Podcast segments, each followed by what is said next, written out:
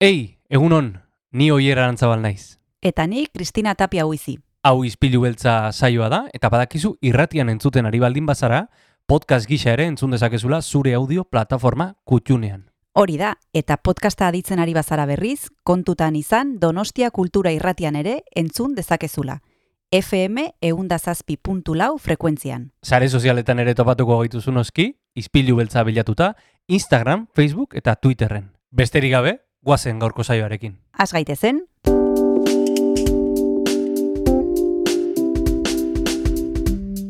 Ispilu beltza. Donostiako kulturaren berri, Oyer Arantzabal eta Kristina Tapia buizirekin. Egun honen zule, maiatzak emeretzi ditu, ostirala da, eta beste ostiral batez, mentxe gatoz, asteari e, ginda jartzera, izpilu beltzean.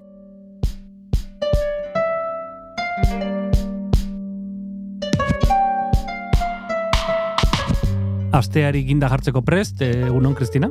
egunon oier, ja zure egun kutxunera iritsi gera. Hori da, e, jende askoren egun kutxunera Bai. ostirala, eta gainera, bueno, atzo aurreratu genuen bezala, ostiral polita, meloiak zabaldu behar ditugu. Meloiak zabalduko ditugu Maili Arzaiusen laguntzarekin e, bera mikroantzerki bat e, jarri duelako martxan, tabakaleran ikusteko aukera izango dugu, El Melon Azul izena du, eta gainera mikroantzerkiaren e, kontzeptuari buruz arituko zaigu Maili Arzaius, eta Mhm. gainera, Horrez gain, e, liburutegietara joango gara biharkoan, ma, e, gaurkoan markatu Marisa Hurtado etorriko da, La historia de mi vida, zu Jurner e, truzen e, liburu bat da, esklaua zen, estatu batuetan, Mhm. eta lortu zuen e, libre izatea, bere umea ere berreskuratzea, ze saldu egin zuten beste Ara. familia. Bueno, izugarrizko liburua, biografia bat, gaur Marisa Hurtado, eta gainera Maria Arzaius, eta gainera Asier Errastiren musika. Bueno, bete-betea, eh, entzun duzu entzule, danetarik daukagu gorko saioan, pilu beltzean. Guazen ostirala ondo astera. Bazen.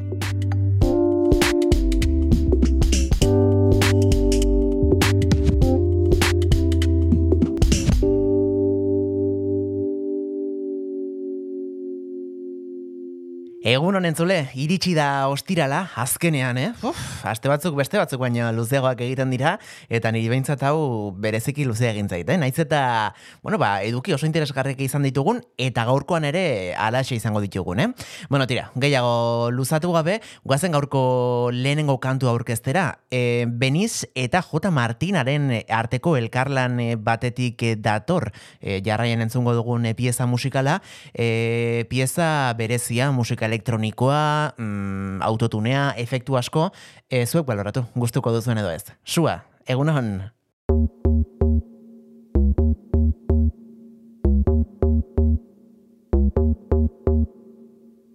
Barrotasun handi naikeria eta legea Goizero jantzi beharra baduzu uniformea Esku burdina eta katea Hobe dugu bakoitzak egin dezan bere bidea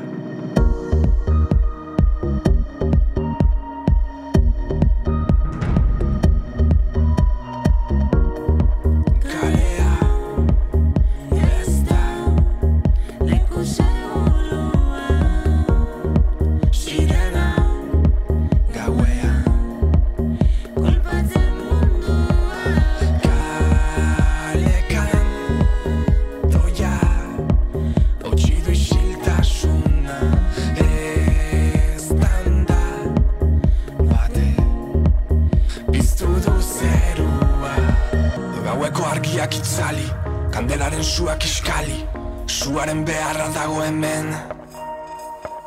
Elkar ezkutatuko gara Polizia agertzen bada Haiek ere su hartu dezaten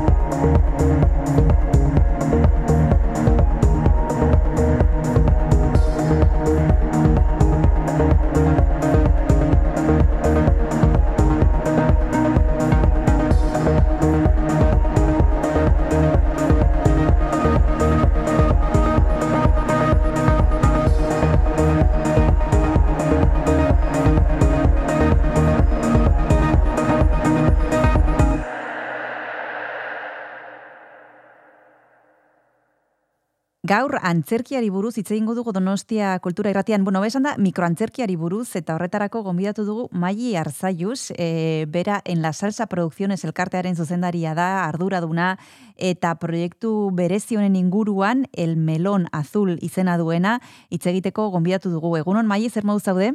Egunon, eskerrik asko dugu hemen eukitzegatik. Bueno, Azteko, kontatu pixka bat, alden enean behintzat, zer da e, el melon azul? E, ze kontatu den duzue, bertan, zein da proiektu ontako sinopsia? Ba, e, hori da galdera zaiena, erantzuteko. Ze sinopsia, bai, osea, umore absurdo, kriston absurdoko e, antzerki bat da, orduan zertaz dijoan esplikatzea, osea, absurdoa da era berean. Mhm, Orduan esatea, ba, komedia bat dela, hogeita mar minutukoa, mhm, eta, eta hori, parre egiteko uteko ondo dagoela. mhm. Bueno, guazen eh, hasierara, nola sortu zen proiektu hau e, zuk e, idatzitakoa da, e, zuk zuzentzen duzu soilik beste norbaitek e, badakit iban migez dagoela hortartean, kontatu guzu pixka nola izan zen proiektu honen sorrera. Bai, ba, proiektu pandemia baino lehen egiten saiatu ziren, e, Mhm. testua Iban Migezena da, donostia ba. E, beraren lehenengo testua da, eta pandemiaren gatik ba, kantzeratu egin behar izan zuten proiektua, Mhm, eta aurreko udaran aktoretako batek, zei antxegutan eta zeuden, eta aktoretako batek e, gidoia erakutsi zidan, eta Mhm. irakurri nuen, gustatu zitzaidan, eta proposatu genion Ibaneri ba, berriro egitea. mhm, Eta berak nola zuzendu ezin zuen, kanpoan dagoelako lanean, ba, neri proposatu zidaten zuzentzea eta hortik hasi ginen. mhm. Iman Miguez idazlea da, baino proiektu honen bueltan pertsonak gehiago elkartu zarete, gehienak in- donostikoak, e, oso gazteak gainera, e, guazen esatera nortzuk zaudeten e, ideia honen ondoan. Bai, ba, hemen daude bost aktore, Mhm. diela e, nueve teatroko Isabela Gerezabala eta Jesus Zúñiga, eta gero dago daukagu Markel Sainz, taen ikasten duen Omar Somai, eta Jokin González, igual batzuk gaztetxon ikusi izan bezuten. Mhm, Eta hori, hori, eta ni, eta gero ere bai egonda gidoia zuzentzen Ibanekin batera Maria Corral, pixka bat, mhm, osea que bueno, lantande polita azkenean. mhm. Lantalde polita eta mai ez dakit e, denak daukazuen asmoa edo denak zaudeten ja e, ba, mundu hontan e, lanean edo behintzat e, interesatuta e, edo hobi bezala egiten dute batzuk e, ze- zein da bakoitzaren egoera? Ba, gehienok oraintxe bert proiektua gutxienez hobi bezala hasi Mhm. dugu. Nola motxa den eta, bueno, komediazko zerbait den, ba, bueno, hobi bezala egiten dugu, baino gehienak nola oraindik gazteak eran, ba, bai daukagula denok buruan ideia hori profesionaltzeko batzuk aktore bezala, edo nire kasuan produktore bezala, Mhm. bakoitza bere indoletik. Mhm. Bueno, tartetxo bat hartu behar dugu eta jarraian segituko dugu hitz egiten proiektu bitxi honen inguruan, El Melón Azul izena duena eta donostian ikusteko aukera izango duguna, orain maik kontatuko digu zein datetan eta nun, baino hori esan bezala tartetxo bat hartuko dugu eta jarraian itzuliko gara.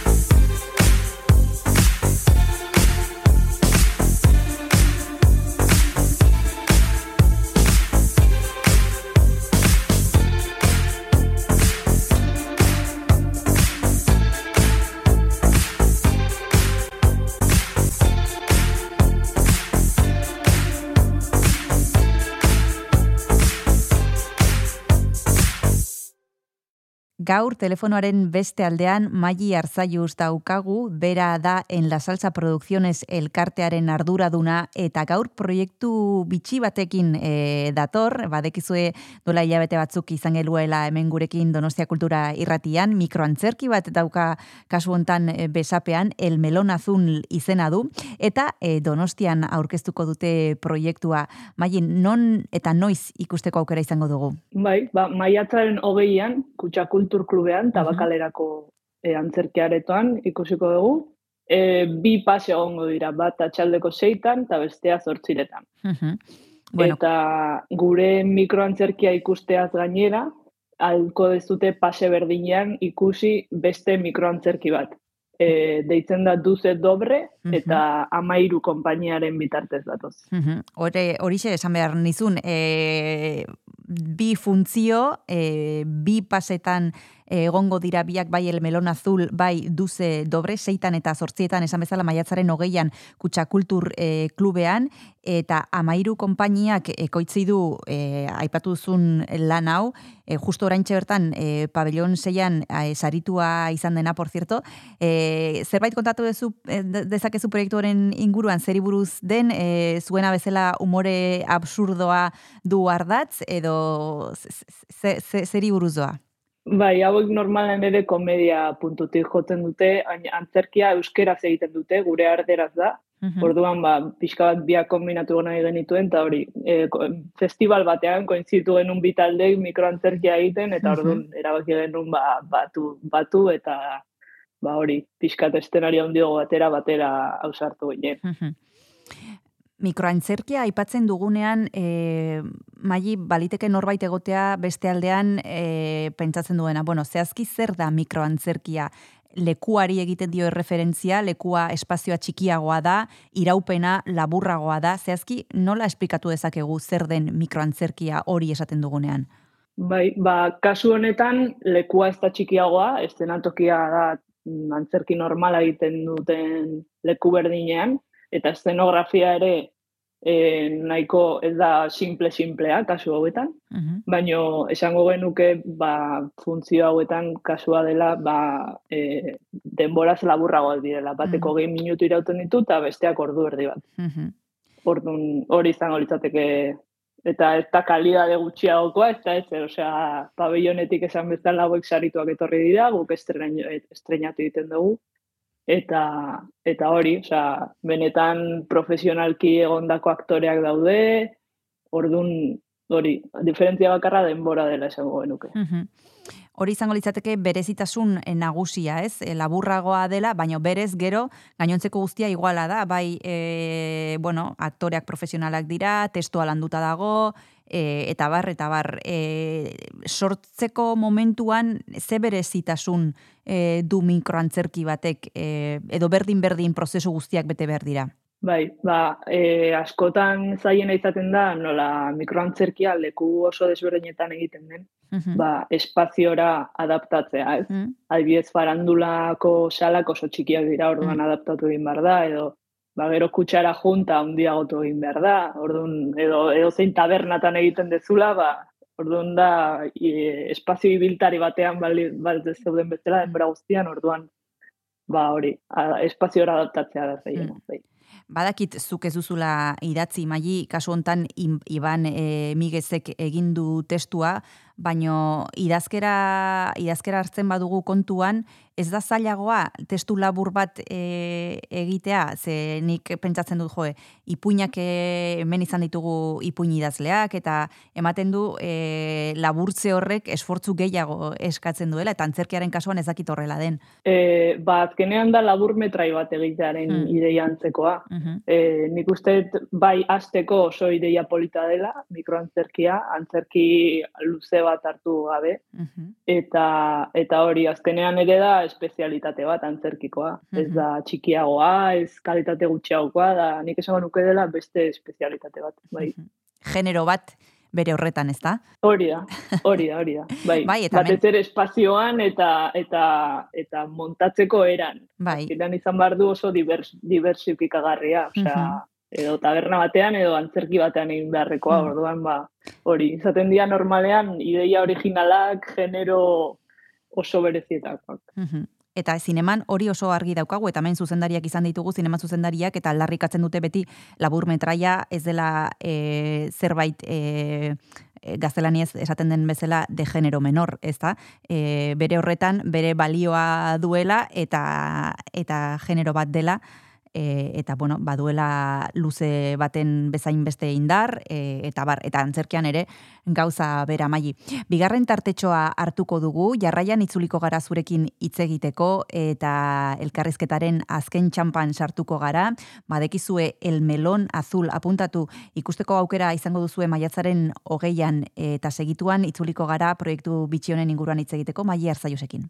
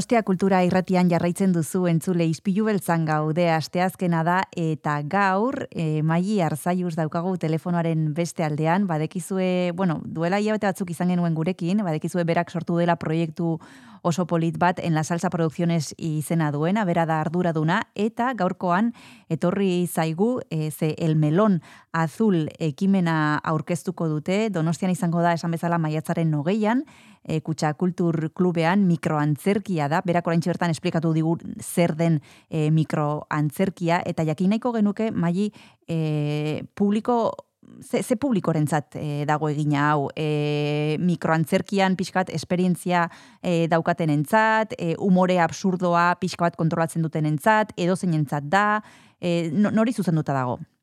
Bai, ba, precisamente absurdoa izanik nik uste edo zeinentzako dela. Komedia oso errex sartzen da publikoan eta absurdoa izan da oraindik gehiago. Orduan ba, arrisku bat da hartzen dezuna, pixkat absurdora jutea, baino edo zeinek ikustekoa.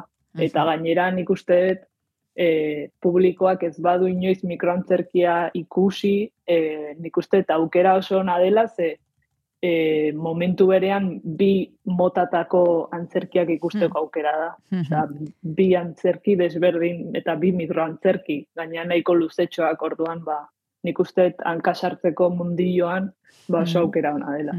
Bai, ze aipatu behar dugu el melon azul e, antzeslanaren altzeslan Bai, ze aipatu behar dugu el melon azul antzeslanaz gain, e, beste lan bat ere ikusteko aukera izango dugula maiatzaren hogeian kutsa kultur klubean, duze dobre izena du, amairu konpainiak ekoitzeitako lana, eta bai seitan eta bai zortzietan e, bi lanak e, disfrutatzeko aukera izango dugula gogoratu behar dugu. E, guazen e, esplikatzera beste behin maili norbaitek e, bere garaian ez bazizun entzun hemen Donostia Kultura Irratian, e, zer den en la salsa producciones nola, sort, nola bilatu zenuten e, proiektu hau eta zein momentutan dago orain. Bai, ba, urtebete baino gutxiago daramagu, eta hori hasi ginen hibernar izeneko proiektu batekin, Mhm. mikroantzerkia, labur metraia izan zena, eta hori egon gera ba, farandulan, Madriletik buelta eman dugu ere bai, eta, eta oso pozik egia esan.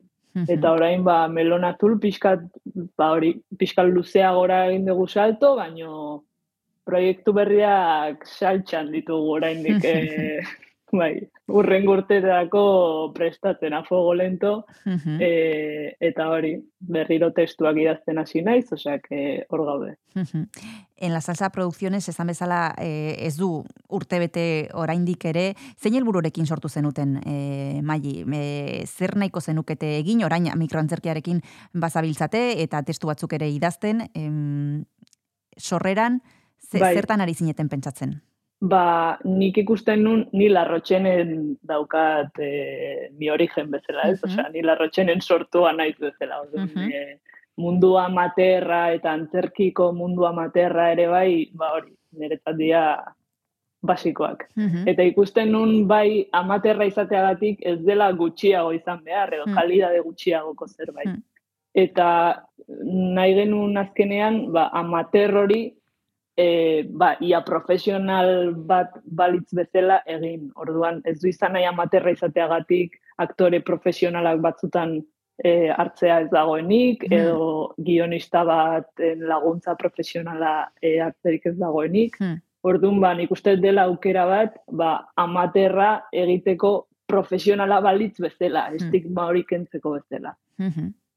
Eta en la salsa produccionesek oraintxe bertan esan dugu el melon azul daukazuela e, Donostian ikusiko dugu, baino kanpora ere e, joango zarete, ez? E, uste dut Madrile aldera edo? Bai, Madrilen egongo gera ikainaren batean, el Pasillo Verde teatron, Mhm. e, mikroantzerkia egiten dute ostegunetan, eta gonbidatu gaituztean antzestera. Mhm. Eta udazkenean igual berriro bueltatuko gera donostira, e, ba hori, e, liburutegiren batera edo horrela, baina printzipioz hori da asmoa. Mhm. Bai, Madrilen egon ginen hibernarrekin eta super esperientzia ona, eta han ere hemengo mikroantzerkiak hartzen dituzte. Mhm. Osea, que super pozik aukera hori emateagatik. Mhm. E, zu ekoizpenean e, eta idazketan bazabiltza maili E, zer da prozesu ontako zatirik zailena? E, boloak lortzea, e, hasierako e, lanak proiektua abian jartzeko, idazmen prozesua, zer suertatzen zaizu, bueno, komplikatuena? Bai, um, ba, azkenean batxeak superatzea. Dena da pixkatzaia, baina azkenean problemaren bat etortzen zaizunean horri buelta matea, Hmm. ba, aktoreren batek adibidez, de repente utzi egin gaitu, eta Hmm. beste aktore bat bilatu behar izan dugu, eta igual boloren bati ez ez esan, eta beste bat bilatu beharra, eta horrelako gauzak azkenean dia, ba hori problemilla horiek soluzionatzen jutea. Mhm. Bai, Baina dena da zaila, eh? idaztea da zaila, zuzentzea da zaila. eta zer esanik ez, ba, hori aktuatzean eritzen zaiz, vamos. Mm. Bai, bai.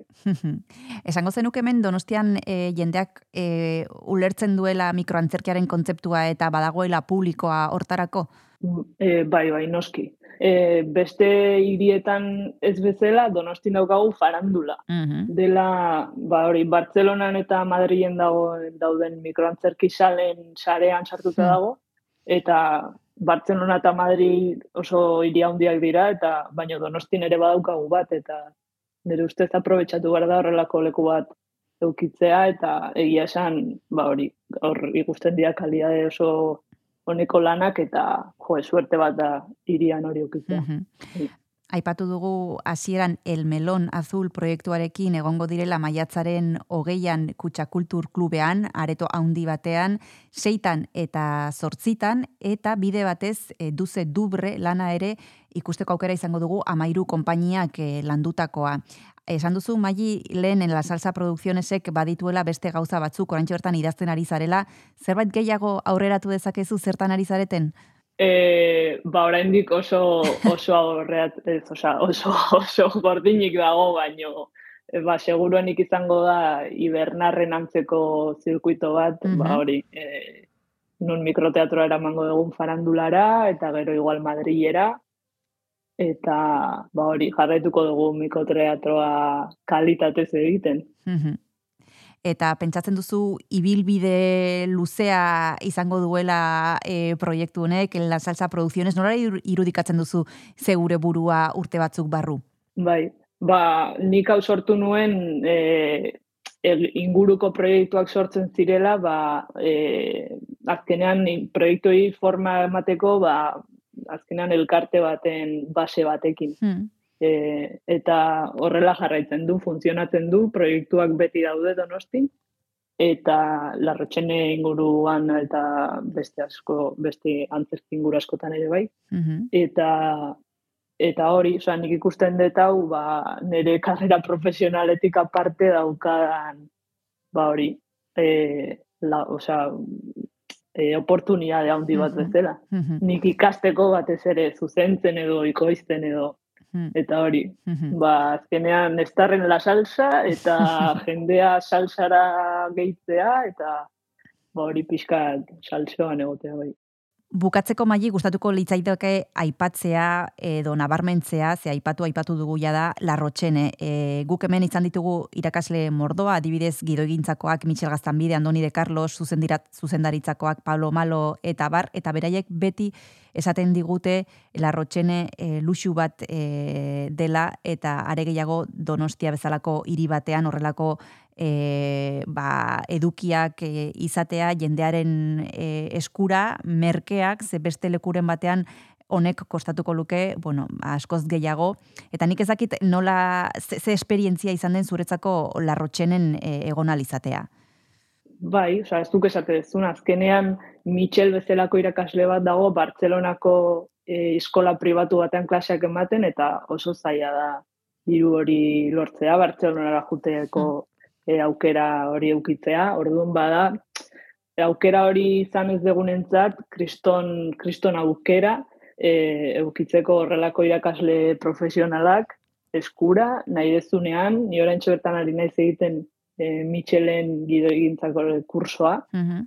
eta egin ditut beste hainbeste, eta denak dira duela gutxi ere Ander Sagardoiren ekoizpeneko kursoa egin nun, eta ba hori, osea, da kriston aukera ikasteko, murgiltzeko beste proiektuetan, jendea ezagutzeko, azkenean da kantera, kantera oso polit bat.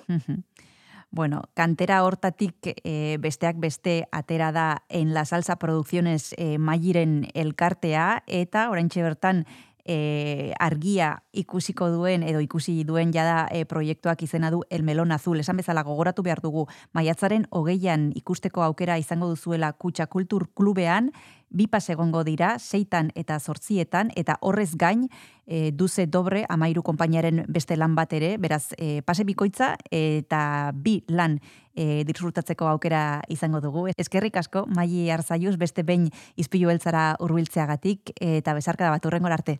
Bai, eskerrik asko zuei, besarka bat.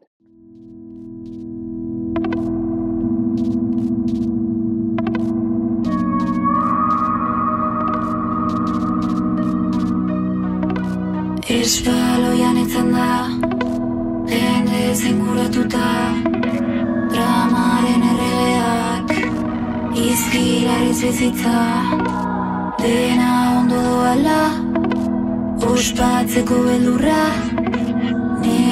Itxaron gelan Ame txekan kazora Esan zenidan, esan zenidan Ez dela posible horrela bizitzea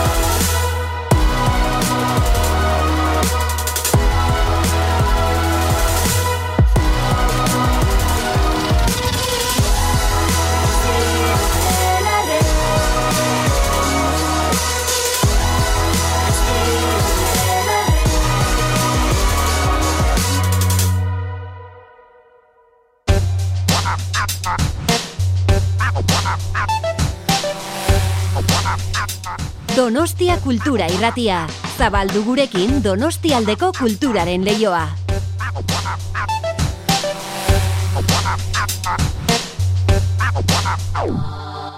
Ostirala da, badekizue ostiraletan literatura izaten dugula izpide Donostia kultura irratian, eta hasieran iragarri dugun moduan gaur literaturari buruz hitz egingo dugu, baita historiari buruz hitz egingo dugu. La historia de mi vida da gaur Marisa Hurtado liburu zainak ekarriko digun liburuak, e, Sojourner Truzek e, idatzitakoa, Egunon, Marisa, ¿qué tal estás? Egunon, Cristina Osondo. Bueno, esta es una historia eh, autobiográfica de una mujer eh, muy especial. Eh, bueno, en el libro, como me contabas ahora justo antes de empezar a grabar, ella hace referencia a una parte de su vida, pero si te parece bien, vamos a contar también un poco eh, quién es esta, esta mujer antes de, antes de nada, que creo además que, que no es su nombre original, su Jurner Truth, ¿no? ¿Quién es esta, esta mujer, Marisa? Pues efectivamente no es su nombre original, pero ella llegó a estar tan, digamos, empoderada Mm, que llegó un momento de su vida que ella misma se cambió el nombre, Hmm. porque las circunstancias de su vida cambiaron. Y cambiaron desde, desde el momento que ella quiso que se cambiaran, ¿no? Mm.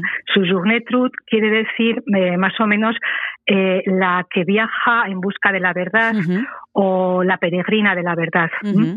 y con eso ya nos hacemos una idea de cómo puede ser esta mujer ex esclava y con una vida tremendamente Mm. dura. Bueno, es una mujer ex esclava, que ya eso nos da muchas pistas de por dónde van a ir los tiros, que nació en 1799, murió en 1883, eh, 90 años de vida eh, muy intensos. Y cuéntanos, ¿cómo una mujer en esa época en Estados Unidos llega a ser ex esclava y poco a poco casi se va convirtiendo en un referente de, de- de los derechos civiles, ¿no? Y también de- del feminismo, eh, Marisa. Pues sí, son 90 años que, que le dieron para mucho, porque aprendió muchísimo desde el dolor. Entonces, bueno, es una biografía y antes de nada, me, me- si me permites, Sí. quiero hablar un poquito de lo que son las biografías dentro de la literatura, porque es un mundo súper amplio y a veces solo tenemos la idea de que es aquella historia de una persona narrada por otra a lo Sí, largo de su vida, sí, ¿no? Sí. pero es que hay muchos tipos y desde el comienzo, ¿no? Desde la época de Plutarco había biografías que eran eh, que tenían una finalidad moral. Después en el en, el- en la Edad Media, por ejemplo, había biografías, sobre todo que se llaman agiografías, que son las vidas de los santos. Después en el Renacimiento ya se empieza con gente importante y es en el siglo XIX en pleno romanticismo, donde se vuelve otra vez al- a, la literatura de biografías y dentro de, esas biografías hay una característica que es las biografías de esclavos. Que por sí solas ya son un estilo, ¿no? Entonces, estas biografías de, de esclavos surgen eh, pues en el 19 con los movimientos abolicionistas en Norteamérica y se usaron como propaganda pues para que la gente viera que eran personas. O sea, fíjate tú, y que se les pudiera tratar como personas. Entonces, bueno, con el tiempo todos estos escritos como el de Sujourné Truth, pues eh, fueron se consideran muy importantes porque son como documentos sociales, como documentos humanos también, ¿no? Entonces fue muy importante en este momento que las esclavas y los esclavos contaran sus sus vivencias. Eh, ya sabéis que los esclavos y las esclavas no podían saber leer ni escribir bajo pena de muerte, Mm. entonces siempre eh, se utilizan amanuenses que ellos relatan su vida y el amanuense o la amanuense las va recogiendo. Mm. Y en este caso es una amiga de su journée troupe que se llama se llamaba Olive Gilbert la que recoge lo que su journée le va relatando. La historia de mi vida eh, cuenta una parte de esa vida tan, tan intensa que tuvo su Journey's Truth. ¿Qué es lo que ha decidido la autora, en este caso, rescatar de su memoria? ¿En dónde ha puesto el foco? ¿En qué partes de su vida ha puesto el foco, Marisa? Pues sí, ha puesto el foco, bueno, tiene una serie de capítulos que son, es, es una es una mujer que no tuvo instrucción. Entonces, su forma de argumentar es muy sencilla y es muy lógica, además. Ella pone su atención en, en sus padres, quiénes fueron sus padres y en lo poco que ella recuerda de esa época donde vivían con un amo, pero el recuerdo que empieza a tener más nítido es a partir de nueve años cuando la separan de su familia y la venden junto a unas ovejas y a unas cabras, ¿no? Por 100 eh, dólares. Entonces ahí es donde ella dice, ahí realmente es donde cambia mi vida, me separan de la familia, había estado con una familia neerlandesa, solo sabía hablar holandés y empieza a pasar de mano en mano de, escla- de esclavistas, ¿no? Pero es a partir de los nueve años cuando ella tiene recuerdo de la separación. Y es muy interesante este recuerdo que tiene porque dice, mi madre me iba preparando eh, casi de forma así escondida, porque su madre había ido perdiendo a muchos hijos e hijas de esta misma manera, los vendían a partir de una edad. Entonces, siempre le decía, tú, eh, ella se llamaba, antes de cambiarse el nombre, se llamaba Isabel. Y le decía, tú eh, ten en cuenta que en la vida te pueden pasar muchas cosas, pero siempre ten confianza en que hay alguien ahí fuera, Dios, por ejemplo, que te va a escuchar. Es muy importante saber que alguien te va a escuchar, ¿no? Y eso ella lo, es, es lo que le da fuerza realmente en la vida. Y te va a escuchar, y no solamente te va a escuchar, sino que te va a ayudar dándote una respuesta, ¿no? Y eso es importantísimo para ella, porque va a tener una confianza en sus, en sus pensamientos increíble. Lo que ella razona, lo que ella piensa, al final dice, bueno, pues es por el camino que tengo que seguir, ¿no? Esta historia de esta mujer que ya tiene conciencia de que es vendida con tan solo nueve años es la, la historia que nos ha traído hoy Marisa Hurtado, la historia de mi vida, de Sojourner Truth. Nos vamos a tomar un pequeño descanso para continuar hablando de esta autobiografía y para eso, Marisa, te voy a pedir una canción. ¿Qué has pensado? Pues mira, he pensado en una canción de Billie Holiday, que, se, Holiday que se llama Strange Fruit, que los extraños frutos en esta canción lo que son es eh, cuando, por ejemplo, asesinaban a un esclavo o a una esclava y no lo querían hacer como que había partido de la propia casa del esclavista, normalmente los asesinaban y luego los colgaban de los árboles. Y aparecía en la prensa de forma así como subliminal, decían, han aparecido unos extraños frutos en estos árboles. Es decir, habían ahorcado a esclavos a esclavas y esos eran los extraños frutos. Entonces Billie Holiday eh, recoge en esta canción, que se titula además así Strange Fruit, pues la historia de los esclavos. Vamos a escucharla.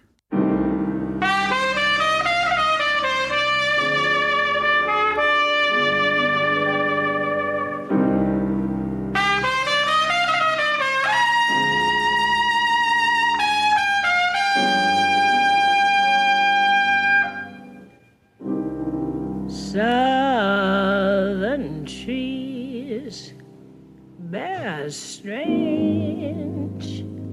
fruit, blood on the leaves and blood at the root, black bodies swinging in the southern breeze.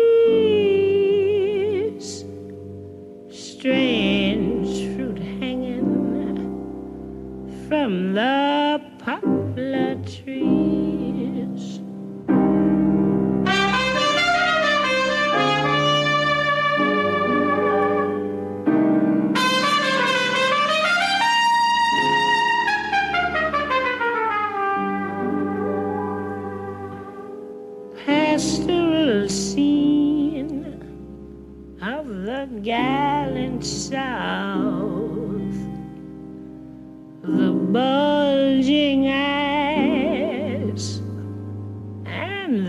twisted mouth, scent of magnolia, sweet and fresh.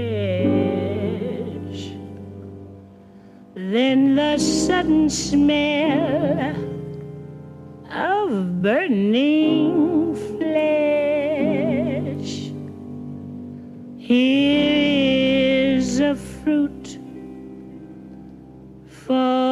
the crows to pluck, for the rain together, for the wind to suck. For the sun to rot, for the tree to drop.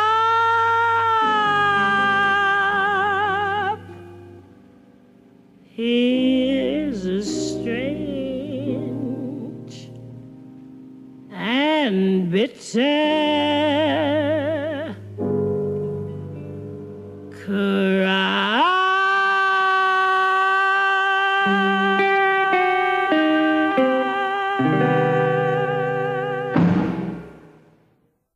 La historia de mi vida, Sujurner Truzen liburuari buruz ari gara hitz egiten hemen izpilu beltzan donostia kultura irratian. Gurekin hasieratik baldima zaude entzungo Marisa Hurtado, bera liburu zaina da, okendon, eta gaur ekarri digu historia gogorrau.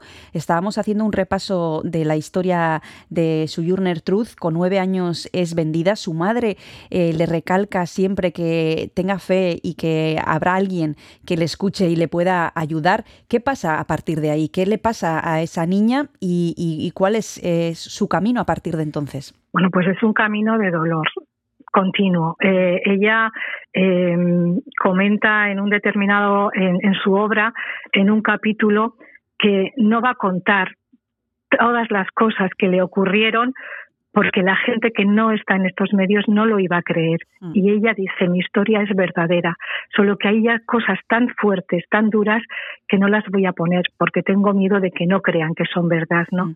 Entonces, claro, pues es una niña que es violada en numerosas ocasiones por los diferentes dueños, eh, es obligada a casarse con, con el que fue su marido porque era interesante para los propios esclavistas que hubiera procreación, porque eso era como el ganado, ¿no? Mm. Que tienen crías. Mm. Eh, la, la, vida con su con su marido no era un mal hombre, era un esclavo también, pero era una persona muy apocada, no Mm. no tenía eh, motivaciones vitales, en cambio, y ella no coincidía mucho con él. Entonces eh, llega un momento en que las leyes empiezan a cambiar eh, porque el abolicionismo ya se ha hecho muy fuerte en Estados Unidos y entonces eh, se va a promulgar que para el año siguiente, eh, pues ya se, en 1827 creo, ya por ley eh, se tiene que abolir la esclavitud de esclavos que sean mayores de 40 años. Entonces ella está en esa situación, pero el dueño le dice, no te voy a dejar libre hasta que pasen más tiempo porque se, tienes mal la mano y no me produces lo que me tenías que haber producido. Entonces ella está llena de ira y se marcha, se escapa, que eso estaba prohibidísimo con su hija más pequeña y es recogida por una familia de abolicionistas que la protegen, la comp le compran eh, al, al, otro dueño uh -huh. y eh, vive en libertad desde ese momento. Pero ¿qué ocurre? Que se, uno de sus niños que se quedan allí con cinco añitos es vendido de forma ilegal porque ya no se podía hacer esas transacciones y es la primera mujer y además una mujer negra que lleva a juicio a un esclavista y gana el juicio. Al final le devuelven la, el crío. O sea, con esto te digo qué clase de mujer tenemos, ¿no? Una, una mujer, eh, Marisa, que no, no, no atino a, imaginarme ni a ponerme en su lugar, primero por la historia que tiene, por supuesto, pero ni a la fuerza que debía tener entonces, porque como decías tú, una mujer que no ha tenido estudios, que no ha tenido formación ninguna y que reúne la fuerza necesaria para denunciar esa situación, esa venta eh, de su hijo de cinco años y de ganar un juicio en una época que ya siendo negra y mujer, pues es que tenía todo más que en contra.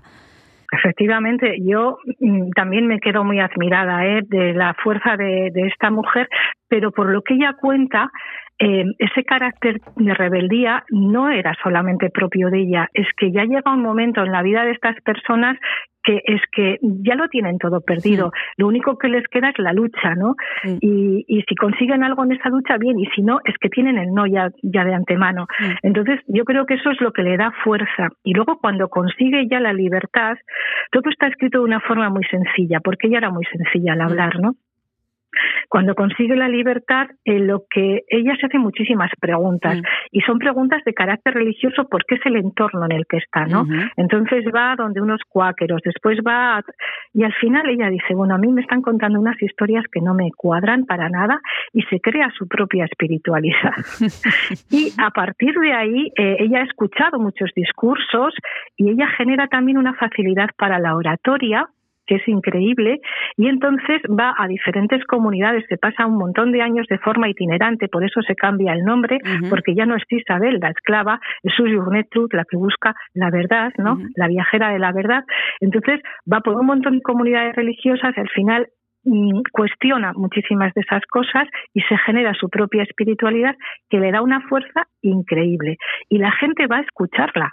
En todos esos viajes que hace, ella se sube a los carros, eh, a un monte, van a escucharlas porque habla desde la verdad, desde el sentido común, ¿no?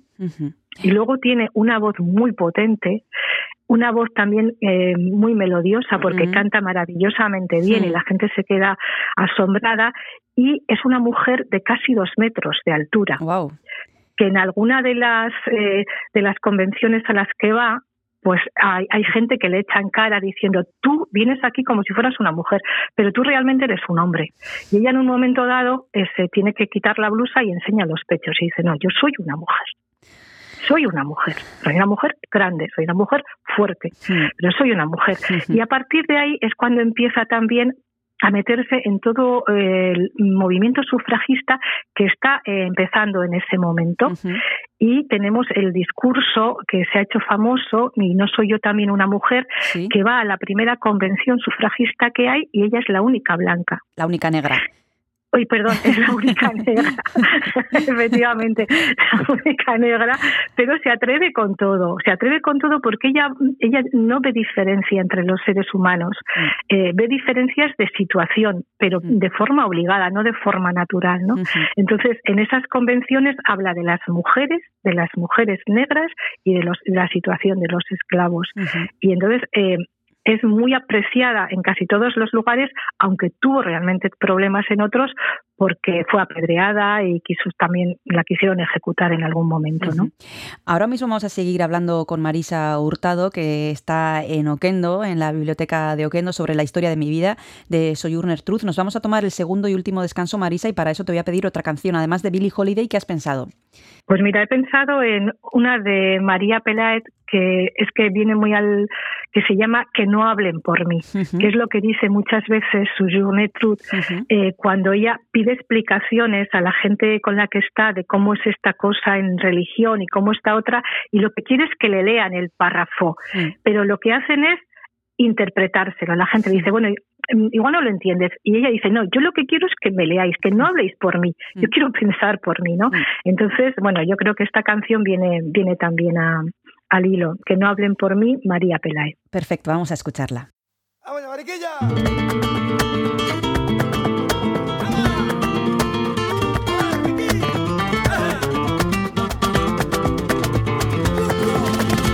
Fíjate que corta la memoria del que grita para no escuchar, no me haga hablar pero si me muerdo la lengua que me voy a envenenar. Una vez más, y acuérdate, no eliges dónde nace lo que eres, eso está aquí, eso se siente. ¿Quién eres tú para taparme la boca, la historia y la mente? Que no hablen por mí, que no hablen por mí, que no que vengan a por mí. Apunten mi nombre, soy la primera de su lista. La cara roja, el nudo en esta voz, pañuelo y nada. Que el odio trae al odio, solo el amor cura la herida. Búscame a mí, ahí tienes su silla. Que vengan a por mí, que me condenen Si os queda bonito este país para vivir, si aún queda corazón, no me muevo de aquí, que no, que vengan a por mí, que vengan a por mí, que vengan a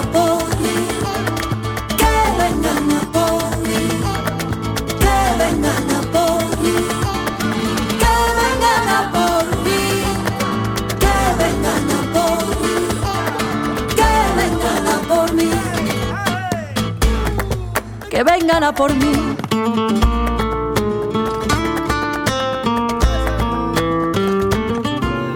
Les sobra agua y tienen sed, tienen sed de venganza y no saben ni por qué. Ah, qué gran verdad es el respeto, la virtud del más valiente, que ni tonta ni sin pan.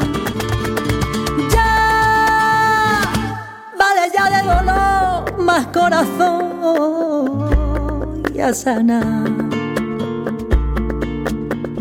¿A dónde fueron los que hablaron de amar?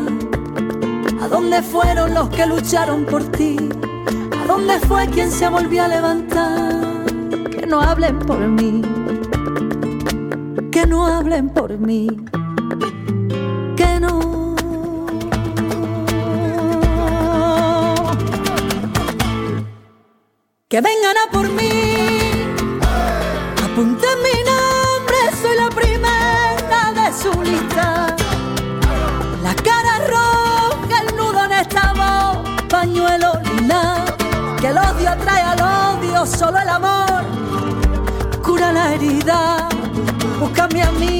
ahí tienes su silla. Que vengan a por mí, que me condenen por hablar de libertad. Si se queda bonito este país para vivir, si aún queda corazón, no me muevo de aquí. Que no, que vengan a por mí.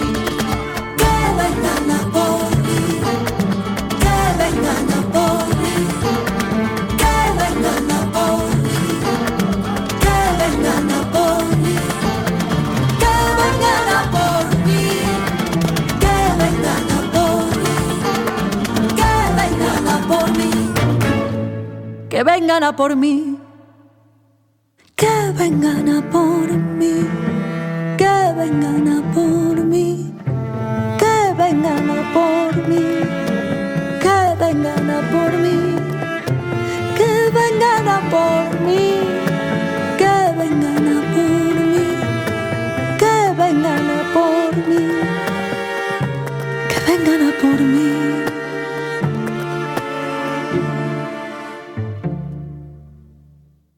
Historia de mi vida, Sujurner Truzen liburua ekarri du gaur Marisa Hurtadok, badekizue okendon liburu zaina dela bera eta ostirale, ostirala denez literaturari buruz ari gara berarekin hitz egiten izugarrizko historia ekarri digu gaur eh, Marisak, eh, Sujurner Truzen biografia biltzen du eh, berak eh, la historia de mi vida. Eh, en cuanto al libro en sí, Marisa, ella decías que era una mujer sencilla y que sus argumentaciones también en el libro lo son. Supongo que esto nos hace que sea una lectura bastante fácil, ¿no? No nos va a resultar complejo en cuanto al vocabulario, las frases.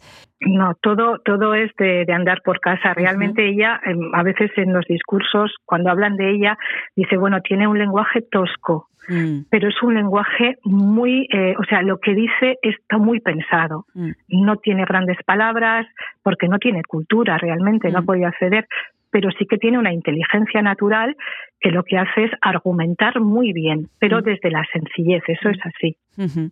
Además, eh, como decíamos, se convirtió esta mujer que nació esclava y que murió libre, se convirtió en un referente del abolicionismo y también del feminismo, eh, ¿no? Eh, una combinación eh, para la época explosiva y de hecho, como decías tú al principio, hay un discurso suyo muy, muy conocido, ¿acaso no soy una mujer?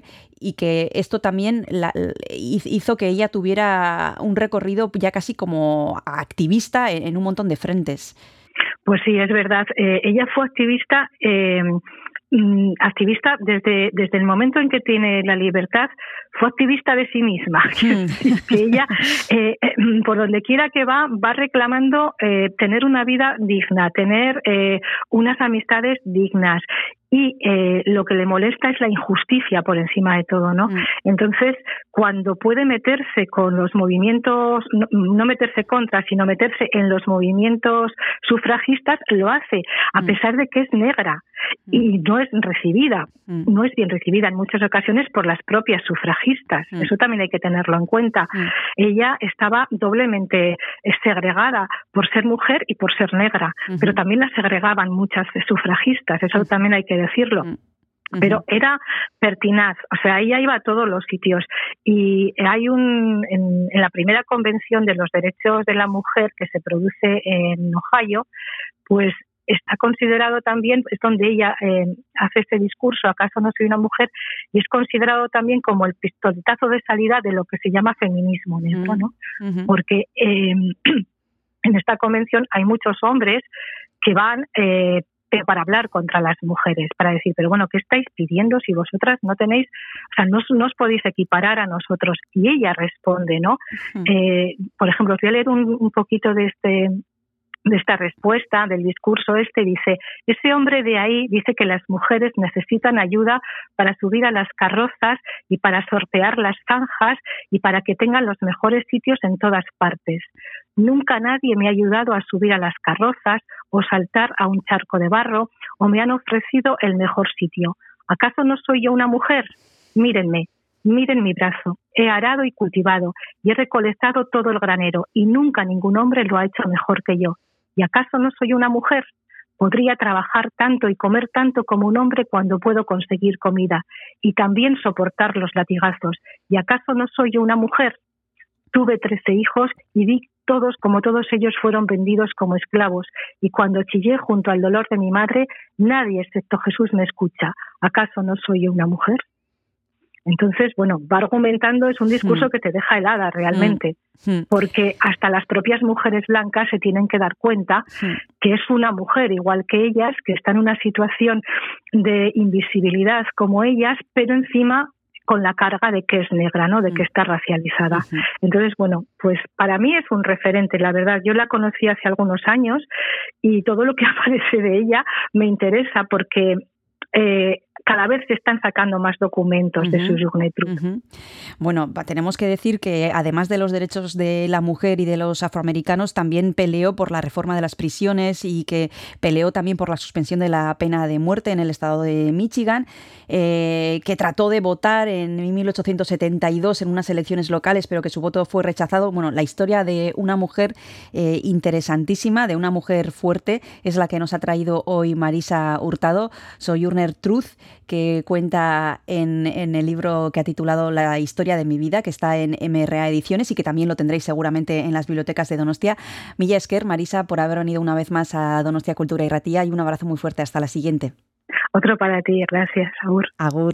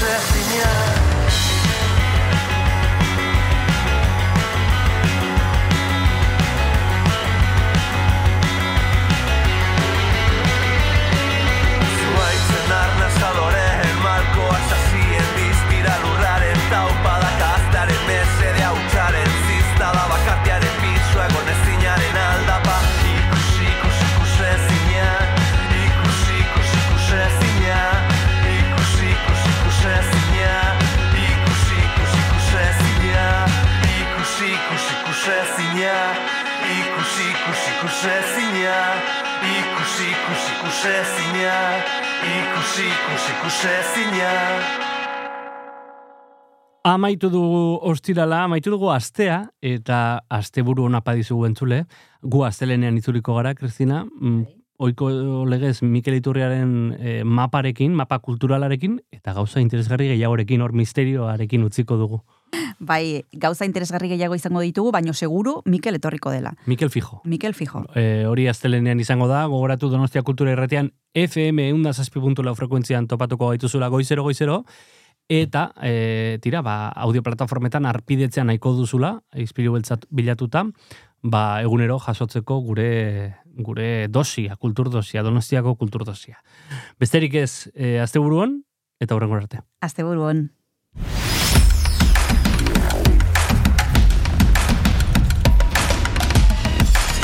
Donostia Kultura Irratia. Zabaldu gurekin Donostialdeko kulturaren leioa.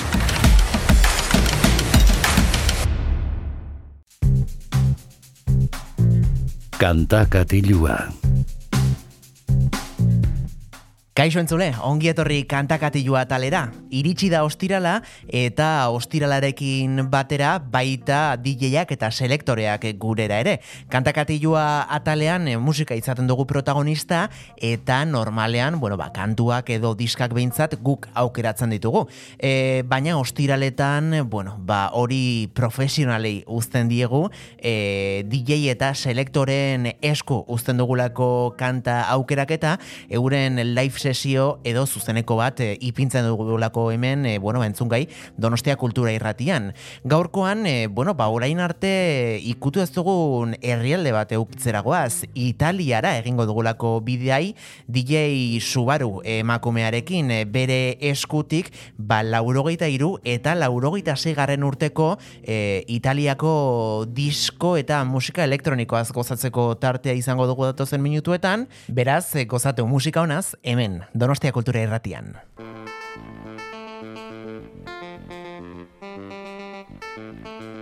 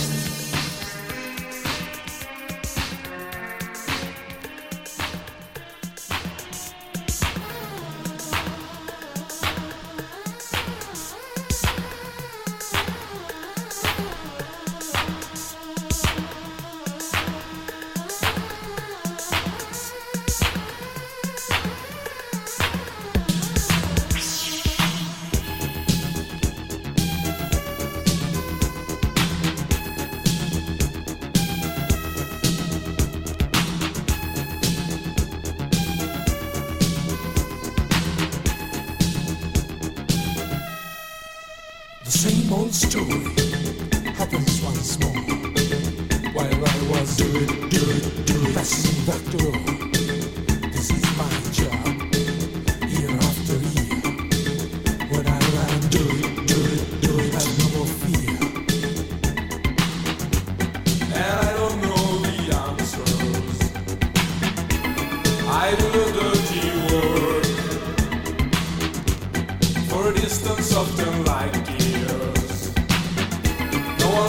to my toes.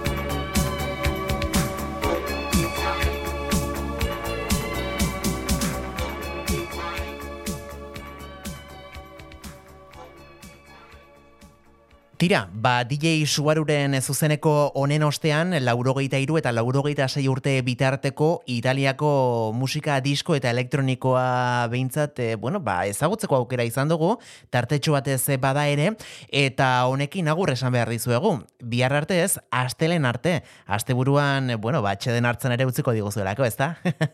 bueno, tira, e, espero dugu zuek ere disfrutatzea, gozatzea asteburu honetan, eguzki hartu, ondartzara joan, mendiran egin nahi duzuena, eta badakizue, kargatu pilak astelenean ona, eh? Ispilu beltzara berriz etortzeko Donostia Kultura Irratira. Ordura arte, txintxoak izan, agor! Laurma artean Ta ezin urtean Triste nabil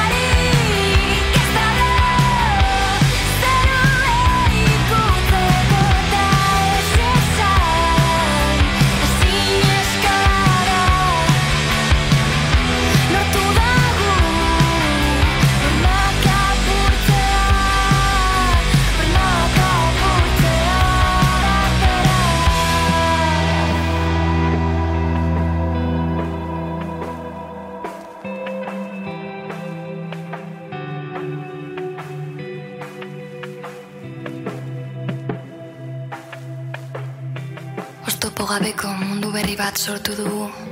Non izarren artean egotea posiblea den Ni eta zu, zu eta ni Elkar besarkatzeko aukerarekin. Ez gaude galduta, elkarrekin gaude Egoera honi aurre egiteko prest. Ez dezala inork zapaldu Irudimenaren indarra Sentimenduen behar izana